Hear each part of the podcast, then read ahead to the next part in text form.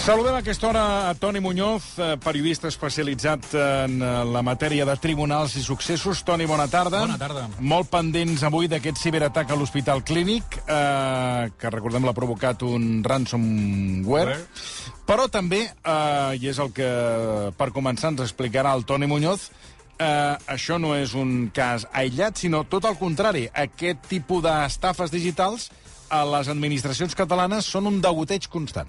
Sí, sí, i de fet, aviam, aquí en aquest programa hem parlat alguna vegada del ransomware, del codi maliciós, d'aquest eh, bloqueig de totes les dades de diversos, diverses administracions, i hem de recordar, he portat aquí un llistat, per exemple, mm. per fer una mica de repàs d'ajuntaments que han estat atacats en els últims anys per aquest tipus de ciberdelinqüents, mm. que els hi han bloquejat tots els servidors, i això vol dir des del padró municipal Fixa. fins a la biblioteca, vull dir que arriba un moment que tu no pots ni tornar Fixa. un llibre de la biblioteca. Sí, ens hi fixarem, però no, o sigui, cada cop que vagi... Hasta, hasta la biblioteca... Sí, bueno, fins i tot un hospital, sí, sí, sí, sí, sí, sí que és on estem, sí. Molt gros, ja. Sí, sí. Doncs, per exemple, Lliçà de Vall, l'Escala, Sant Just d'Esbert, Lloret de Mar, Vilafranca del Penedès, Sant Joan d'Espí, Arenys de Mar Arenys. i altres hospitals perquè l'Hospital del Mar o l'Hospital Moisès Brogi... Ja ho van patir. Ja, ho van, ja, ja, van patir. ja, ja van patir ciberatacs d'aquest eh, tipus.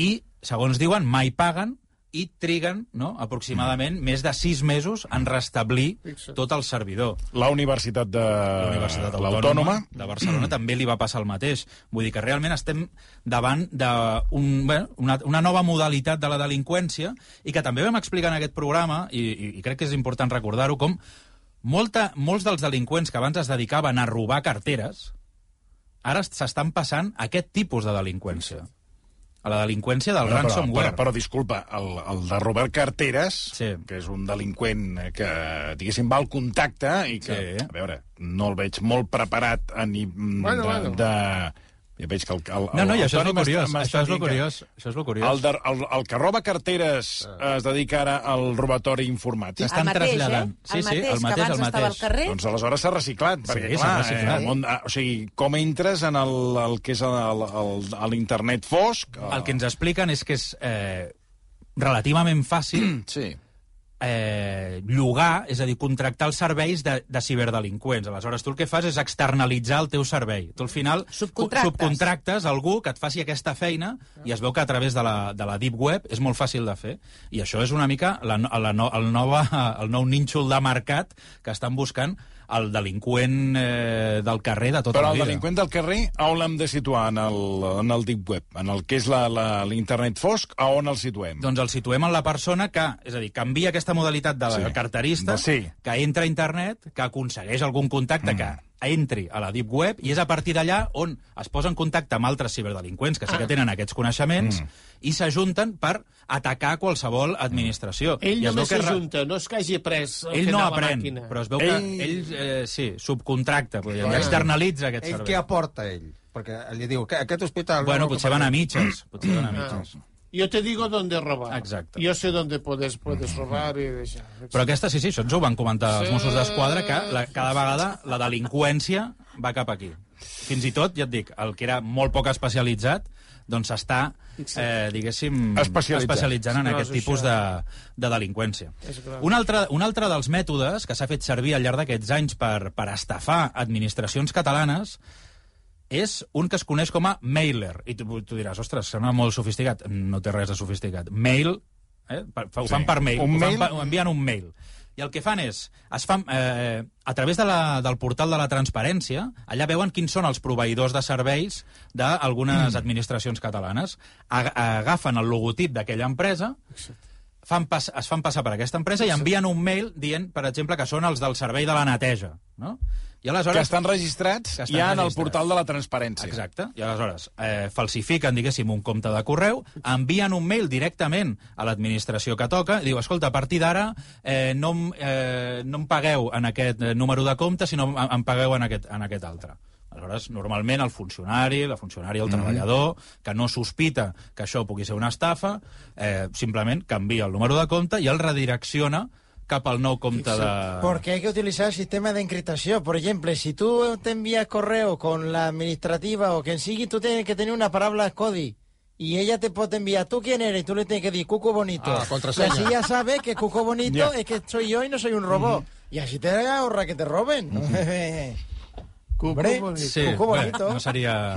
Sí, no, però sí, el sí. que està clar és que a, a, aquest, aquesta manera de, de robar i d'estafar és molt senzilla. És simplement un correu, aquesta persona canvia el número de compte i a partir d'aleshores els pagaments de les factures es fan a aquest nou número de compte que no és el de, el de l'empresa proveïdora de serveis, sinó que és dels delinqüents. Aquells diners van a parar a nous comptes, comptes normalment de, ban de banca online, que tampoc no t'han vist mai, i a partir d'aleshores tornen a redirec re redireccionar aquests diners cap a altres comptes que, i això fa que s'evapori completament el rastre d'aquests diners. Per exemple, et poso noms d'unes quantes administracions que han estat estafades... ¿Catalanas? Home, catalanes. Per exemple, la Mútua Universal Muge Mugenat, Sí. Sí. sí, doncs li van eh, estafar 625.000 euros. ¿Qué dios? Trepitjant merda. El Servei Català de Trànsit, Sí. 561.000 euros. ¿Qué me dios? Ja. Per exemple, el Servei d'Emergències Mèdiques, el de les ambulàncies, Sí.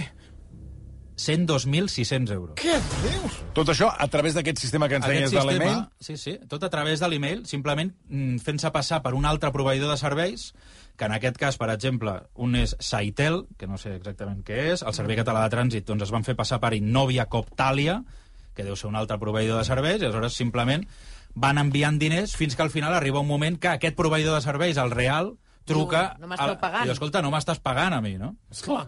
I aleshores diuen, ostres, com que no t'estic pagant si jo t'he enviat tots aquests diners? Doncs clar, fins que... Que els envies a un lloc que no és el del... I aleshores, clar, quan se n'adona, doncs, en el cas del Servei Català de Trànsit són mig milió d'euros. Oh, O en el Catalunya. Cas, o en el cas de l'Ajuntament de Viladecans són mig milió d'euros, tot i que en aquest cas sí que van aturar-ho abans, però els van robar la meitat.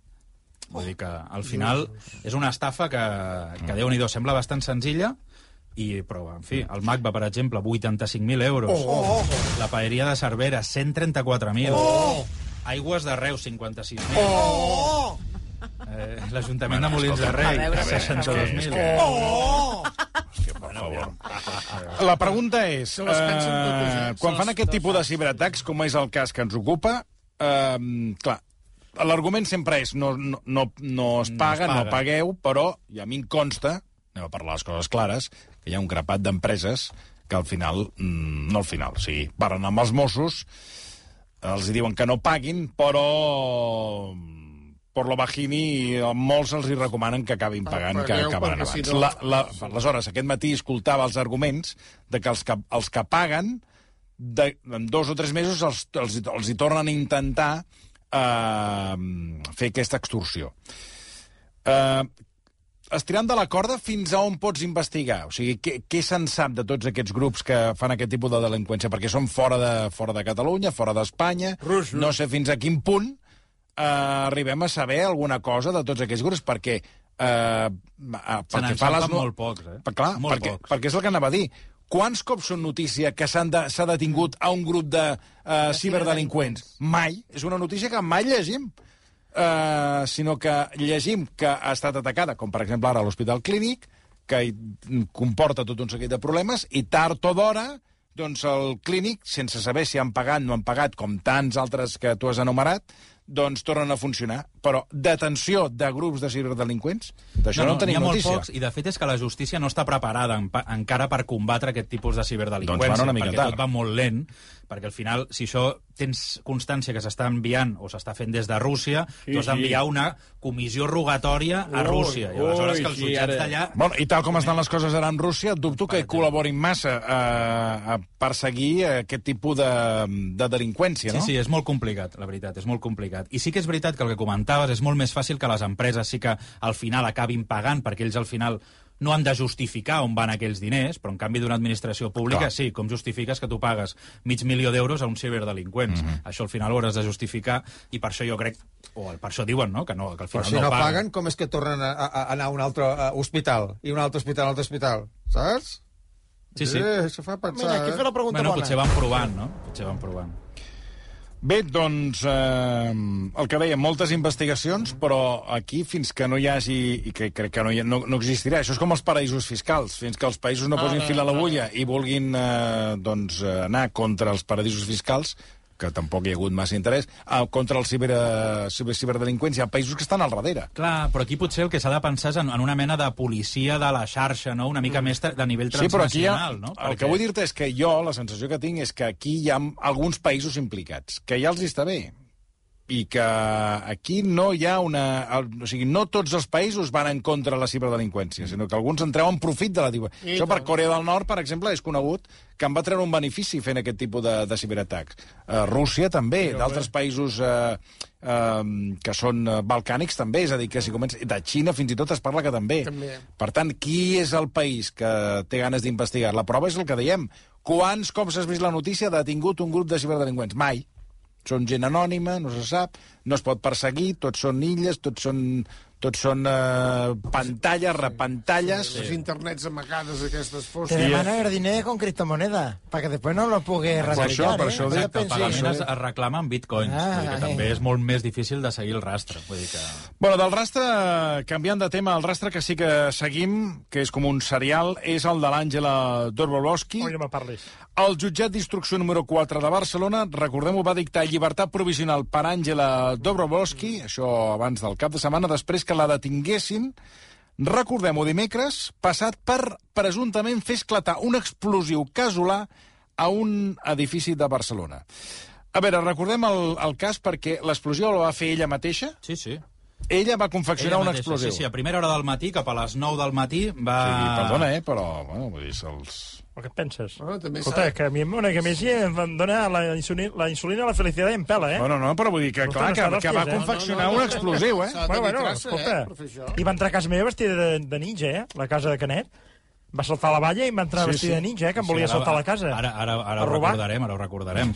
El que va passar és, el passat dimecres, Àngela Dobrovolski, eren les 9 del matí, quan va irrompre en un bloc, en un edifici que hi havia al barri de, de Sants de Barcelona, i anava primer vestida, o un, diguéssim camuflada, portava una granota de color blau, un casc blanc, una bufanda que li tapava Com si fos un el, operari. el rostre, exacte, i portava una garrafa de 5 litres amb salfumant a dins, i aleshores per fora hi va posar eh, paper d'alumini.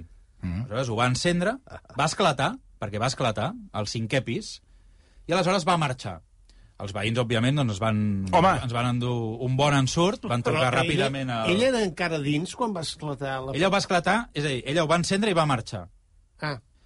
Aleshores, a partir d'aquí, eh, els Mossos d'Esquadra van anar allà, eh, alertats mm. pels veïns, que estaven... Eh, bueno, què ha passat aquí? No? I el... sembla ser que Angela Dobrovolski va col·locar aquest artefacte explosiu davant d'una porta que era coneguda. És a dir, al darrere d'aquesta porta mm. hi havia vosaltres recordeu un, un personatge dins d'aquesta història una Aquest mica serial, sòrdida, serial Dobrovolski. Que es deia Gabriel, que era conegut com el, com el seu amant. El brasiler, sí, sí, sí. sí. Que era un escort, deien. Bueno, no? per la porta, per la, pel compte que et porta... No, no ho conec. Aquest va estar a la, a la casa meva Exacte. d'Horta, sí. que va estar l'Àngela ocupant-la quan ens vam separar i mm. me la va destrossar tota, eh, anava i venia aquest, el Gabriel. Sí, que de fet fins i tot el van detenir allà per agredir a una, a una noia que també sortia d'aquella casa mm. i davant de totes les càmeres van veure com el, com el detenien. Doncs sembla ser... Per tant, l'Àngela va anar a la porta del brasiler. Sí, a la porta del Gabriel. Del Gabriel. Però és que allà però sembla ser que l'atac no anava directament contra el Gabriel, ah. sinó contra la nova nòvia del, del Gabriel. Gabriel. Ah. Sembla ser doncs, que allà hi ha dues noies doncs, que lloguen una habitació per, eh, exercir, Gabriel. La, la, per exercir la prostitució. Una d'aquestes manté una relació sentimental amb el Gabriel, que és el seu... Ama, no sé si dir amant, examant, mm. que té una mena de relació intermitent. Vés a saber. Intermitents. Doncs eh, va anar allà a les eh, 9 del matí, no, va fer esclatar aquest artefacte Va, explosiu. Són coses de, de l'amor, és coses de l'amor, home. Va, Sentiments. L'amor, sí, home, sí, home, estem parlant d'un explosiu. Sí, digues, digues, Toni. Sí, amor explosiu. Sí, sí, exacte. I, i res, va, va estar per allà, aleshores va marxar i sí. després parlant amb aquells veïns va dir no, no, és que això ja sabem qui és, és l'Àngela Dobrovolski, perquè altres vegades ja ha intentat eh, aquest tipus de represàlies contra nosaltres. Per exemple, un cop va portar una pistola de balins i va disparar a la finestra d'aquest cinquè pis on vivia aquesta... On hi, I van veure que era noia, ella. I van veure que era ella. Sí, sí. Un altre cop, sembla ser doncs, que va, va posar líquid inflamable amb, amb, que desprenia un, un, un gas a sota de la porta aquesta on, on hi havia aquesta noia. Vull dir que són bastant repetides i habituals les accions d'Àngela Dobrovolski en, aquest, en aquesta finca. Finalment, doncs, els veïns estaven farts, van trucar. Van els Mossos d'Esquadra, primer, eh, prendre declaració tots els testimonis que hi havia allà, que van apuntar cap a l'Àngela Dobrovolski, i després, també revisant les càmeres de seguretat que hi havia pel, pels carrers del voltant, doncs la van identificar. Això va passar dimecres al matí, i a la tarda els Mossos van irrompre a un àtic on viu eh, Àngela Dobrovolski, és un àtic de Josep Maria Mainat. Sí, home, sí, escolta, sí, aquí, escolta, Cuerpo de Rei.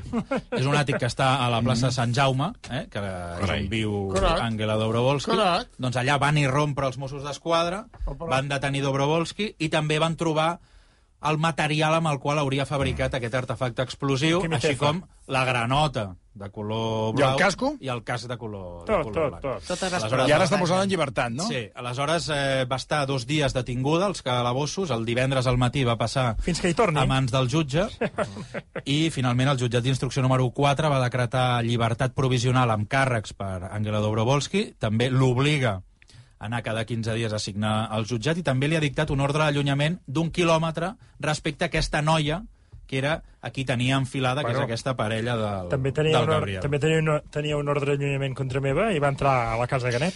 Sí, sí, sí. Bueno, nou capítol d'Àngela Dobrovolski que eh, el que queda clar és que no és una dona que no està bé. Sí, bé, de fet, Josep Maria Mainat sempre ho ha dit, no?, que és una dona sí. Doncs, que necessita ajuda. Problemàtica. i al final estem veient com repetidament eh, s'està ficant en uns certs embolics i sí, al final arribem tots a la mateixa conclusió. Deixa'm repassar només una mica. Aquest Sí, era el sí. cinquè episodi. El primer, recordem, juny del 2020, amb l'intent d'assassinat de Josep Maria Mainat, una causa que encara està oberta. Recordem que estem a l'espera que la Fiscalia presenti la seva acusació contra Àngela Dobrovolski. Hem de veure si l'acusa d'homicidi o...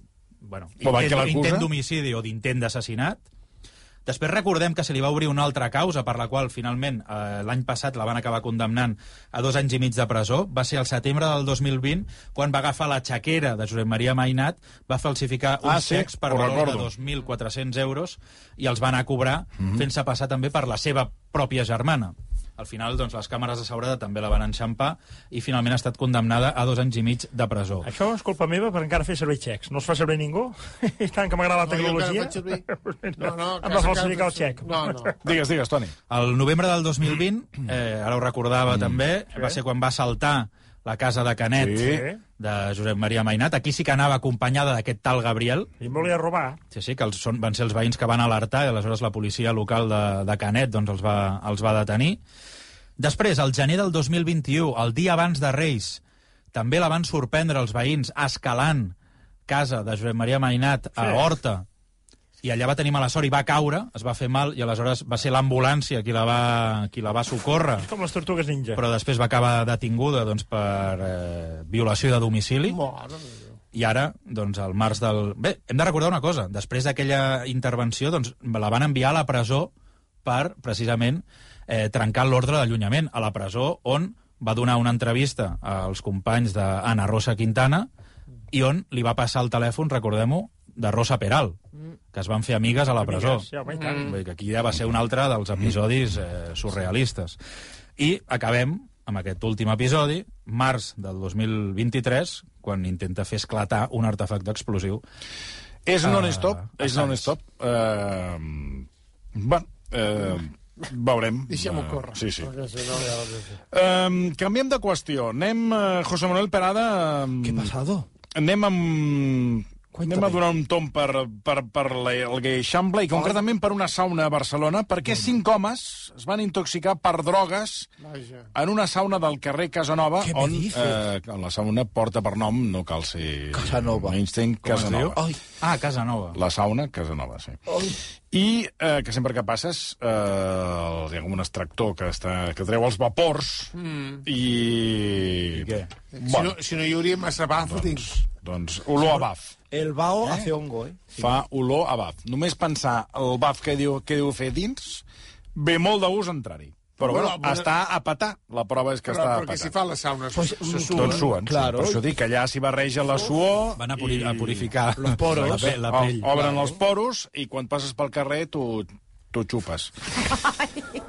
Bueno, és que és així. És com, és com els llocs on, on fumen porros, no? Aquests clubs També, canàbics, on també. quan passes quedes intoxicat, doncs en aquesta sauna quedes, quedes hidratat de la suor i la fortor de tots els Ole. que són a dins eh, ben humits. Los poros y los puntos negros. Uh, bé, atenció, perquè en aquesta Quines sauna... ganes d'anar a suar perquè sí, no, ho entenc, no ho acabo Sí, bueno, ara, ara ho entendrà. I les espinilles també les quita, eh? Cinc homes estaven suant, com a bojos, Oh, como cerdas. sap? Com a, com a tocinets, quan eh, no se sap ben bé què va passar, que dos d'ells, eh, bueno, Sí, van no se entrar... sap. Eh? No se sap. Bueno, ara ens ho explicaràs. Jo no ho sé. Jo sóc del barri i no ho sabem, Jo tot i que tampoc. aquesta sauna ens agrada molt, al barri. Uh, han ingressat en estat Però hi va, hi va sovint. Sí, passo sovint de per davant, ens agrada. Ah. Els dels barri ens, ens agrada. Oh. Uh, el, que, el que us deia, han estat ingressats en estat crític a l'Hospital Clínic I ara, eh? Sí, sí. Són que van no, entrar abans, broma, abans poca del... broma. Ara anava a dir. Perquè si no, no els, no els agafen, eh? A veure. I a l'Hospital de Sant Pau. A veure, què se'n sap de la història d'aquests cinc homes machotes que, que estaven allà suant? Que Bé, doncs, els no, va anar una mica a la el mà, que no? se sap és que van rebre... Això va passar a les 6 de la matinada. Molt bon, la millor hora. A les 6 està obert? Oh, sí, ja suen. Sí. Sí, sembla que és un lloc on la gent, quan surt de festa i Ah, quan torna allà. de festa, Van allà a suar. se'n van allà a, A suar, la, a a, purificar. suar el, el mam. Exacte. Bueno, això està bé. Abans d'anar a dormir. És la manera... Home, això ho feien en. Kubala, eh? Sí, sí, a Kubala, sí. quan Ho feia, ho feia. eh, el anaven a buscar pels bars de Sí. Barcelona, el portaven a una sauna que sués l'alcohol, el Exacte. foten una dutxa i a jugar a futbol. S'evaporava l'alcohol. Home, s'evaporava. per això dic que... Bueno, adelante. No, i el que va passar és això, és a dir, a primera hora del matí i sembla doncs, que es van passar diguéssim, eh, amb, les, amb les substàncies mm. i eh, d'aquests eh, cinc homes, dos van ser ingressats en estat crític. Ara s'ha de dir que no estem per la seva vida, estan estabilitzats, i tres altres eh, persones doncs, van ser ingressats en estat menys greu. Recordem doncs, que l'escala no? és lleu, menys greu, greu.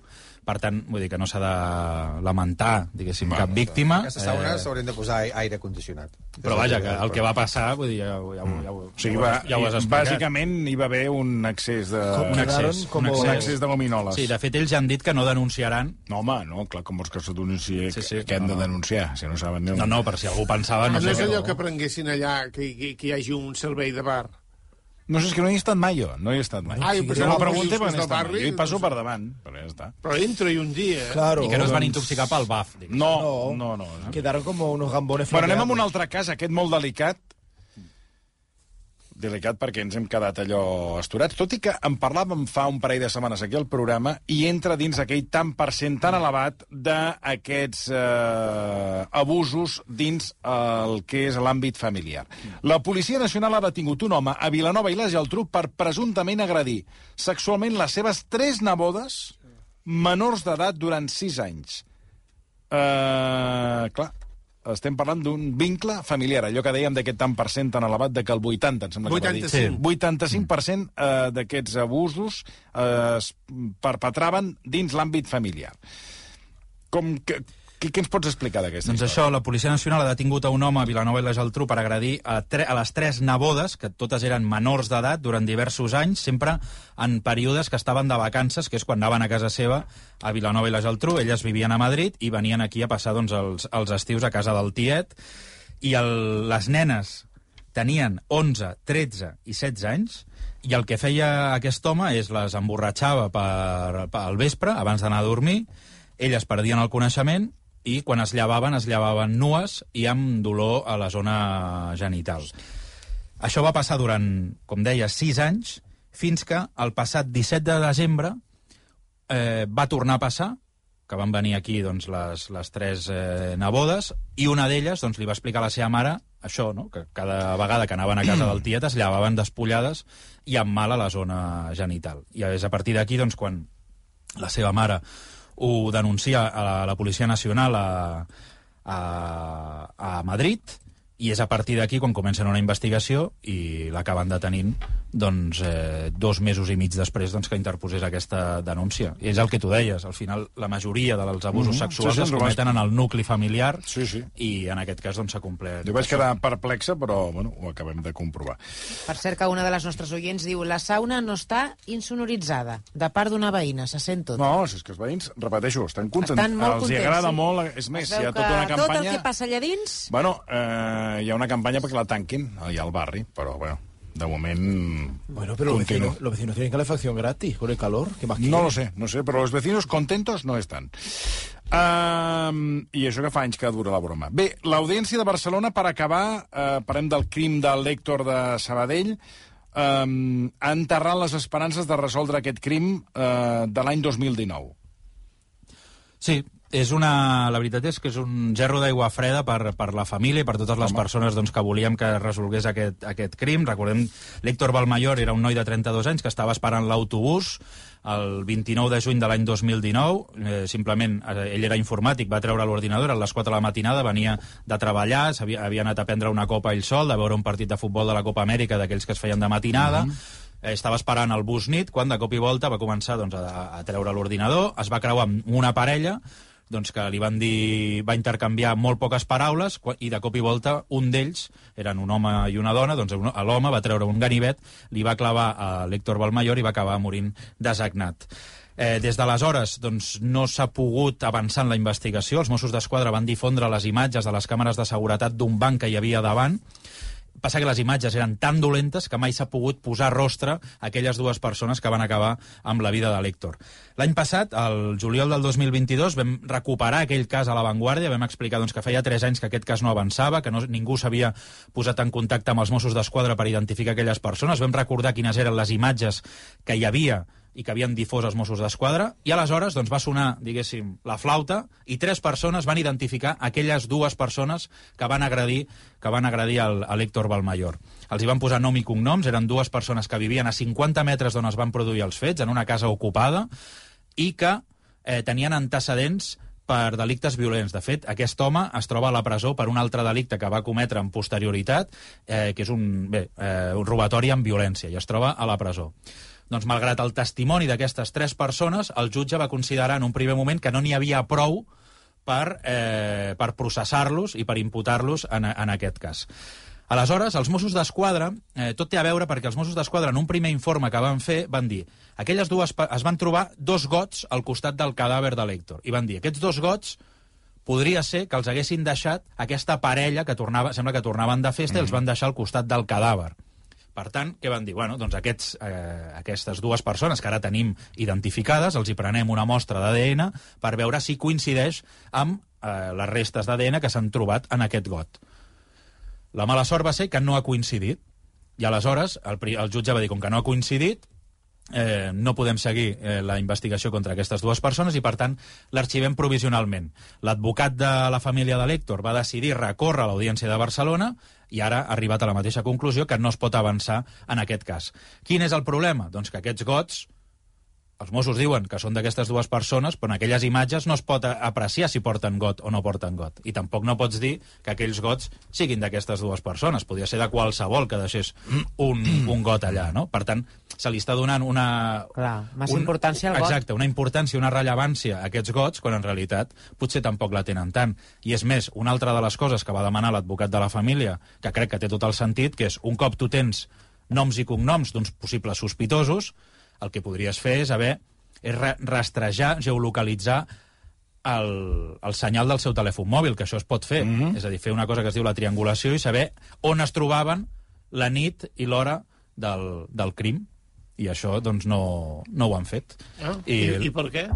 Doncs han considerat que no era pertinent i que amb això ja ja n'hi ha prou. I aleshores, Sí. doncs ara l'Audiència de Barcelona ha, Ha arxivat. ha arxivat provisionalment el cas i el cas queda pendent que aparegui una prova. Quan apareixerà una prova? Doncs no sé, eh, quan algú investigui, quan algú Bueno. Tingui ganes de, tingui ganes de, de seguir de treballant. trobar la veritat.